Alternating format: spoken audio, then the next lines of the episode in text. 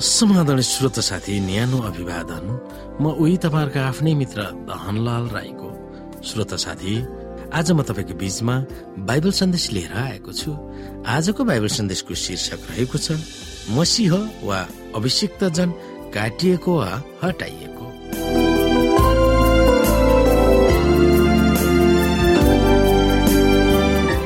श्रोत साथी गब्रियलले चार सौ नब्बे वर्षको भविष्यवाणीलाई व्याख्या गर्छन्। यस भविष्यवाणीको सुरु त्यस बेलादेखि भएको थियो जब एरुसलेमको पुनरुद्धार र पुननिर्माणका आदेश दिएको थियो। यो दानियल र समस्त यहुदीहरूको निम्ति अत्यन्तै महत्वपूर्ण इतिहासको पाना थियो। एरुसलेमको पुननिर्माण गर्ने मामिलामा धेरै आदेशहरू त पहिला दिएका थिए तर एजरा सात अध्यायमा उल्लेख गरिएको अध्याय देश अत्यन्तै महत्वपूर्ण छ। यसले चार सय नब्बे वर्षको भविष्यवाणीलाई सुरु गरेको थियो। त्यो अध्याय देशको मिति इपु चार सय सन्ताउन्नदेखि चार सय सन्ताउन्न थियो। यस अध्याय देशमा यहुदीहरू आफ्नो देशमा मात्र फर्किने होइन तिनीहरूले धार्मिक समुदाय स्थापना गर्न पनि अधिकार दिएको थियो। एजरा सात अध्यायको तेह्र र सत्ताइसमा राजा अर्थशास्त्रले यो आदेश इपु चार सय सन्ताउन्नमा दिएका थिए। इपु चार सय सन्ताउन्नमा दिएको यो आदेशलाई मसियासम्म आइपुग्दा दानियलको अनुसार उनासत्तरी हप्ता वा चार सय तिरासी वर्ष हुन्छ।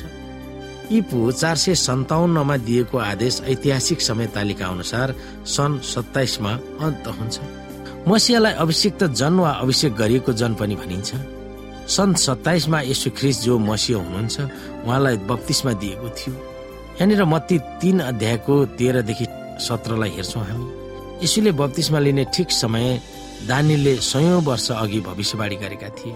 यही समयदेखि यसुले तीन वर्ष छ महिना आफ्नो सेवा कार्य सुरु गर्नुभएको थियो। रोमी पाँच अध्यायको छदेखि नौसँग दानियल नौ अध्यायको छब्बिसलाई हामी हेर्न सक्छौँ।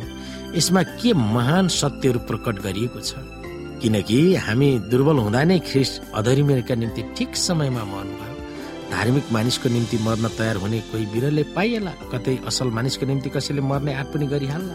तर परमेश्वरले हाम्रा निम्ति उहाँको प्रेम यसैमा देखाउनुहुन्छ कि हामी पापी छँदै ख्रिस हाम्रो निम्ति मर्नुभयो। यसकारण उहाँको रगतद्वारा धर्मी ठहरिएका हुनाले झन बढी हामी परमेश्वरको क्रोधबाट उहाँद्वारा बचाइनेछौँ।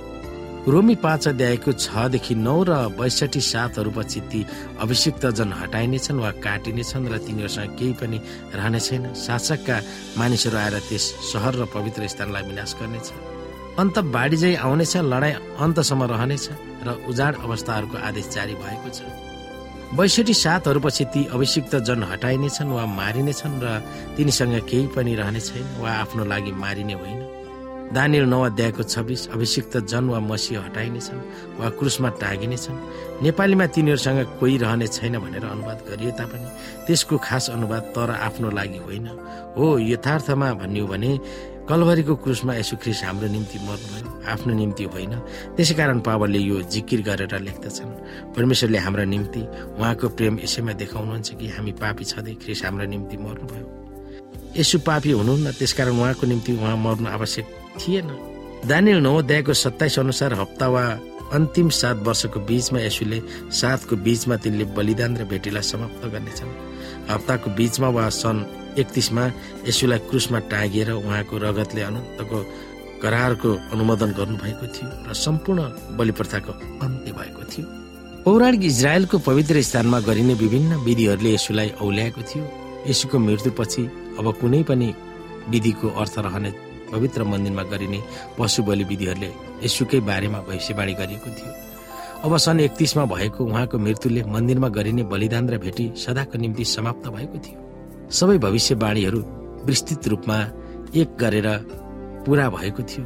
निस्तार चाडमा जब प्रधान पुजारीले निस्तार चाडको पाठो मारिन लागेको थियो त्यसै समयमा यसो हाम्रो निम्ति मर्नु भएको थियो। अन्तिम श्रोता हामीले माथि भनेका अथवा गरिएका विवरणलाई हामी ध्यानमा राखेर मर्कुस पन्ध्र अध्यायको अडतिस र मत्ती तिन अध्यायको पन्ध्र र सोह्र हेर्न सक्छौँ। र दानियल नौ अध्यायको चौबिसदेखि सत्ताइसको भविष्यवाणीलाई ती पदहरूले बुझाउन हामीलाई कसरी मद्दत गर्दछ आउनु श्रोता हामी हेरौँ यहाँनिर मर्कुस पन्ध्र अध्यायको अडतिस। अनि मन्दिरको पर्दा पादेखि फेस समेत दुई भाग गरी च्यातियो यहाँ हामी मत्ती तिन अध्यायको पन्ध्र र सोह्र पनि हामीले उद्घोष गरेका छौँ हामी यहाँ सक्छौँ। तर यसुले तिनलाई भन्नुभयो अहिलेलाई यसै हुन दिऊ किनभने यसरी नै हामीहरूले सबै धार्मिकता पुरा गर्नुपर्छ। तब योहन्ना राजी भए अनि यसो बत्तिसमा लिएर तुरन्तै पानीबाट माथि निस्कनु भयो अनि स्वर्ग उगियो र उहाँले परमेश्वरका आत्मालाई ढुक्कर चाहिँ ओर्ली आउनु भएको देख्नुभयो र आफूमाथि आइरहनु भएको देख्नुभयो उहाँले। तब स्वर्गबाट यो बाढी आयो। यिनी मेरा प्रिय पुत्र हुन्। यिनीसँग म अति प्रसन्न छु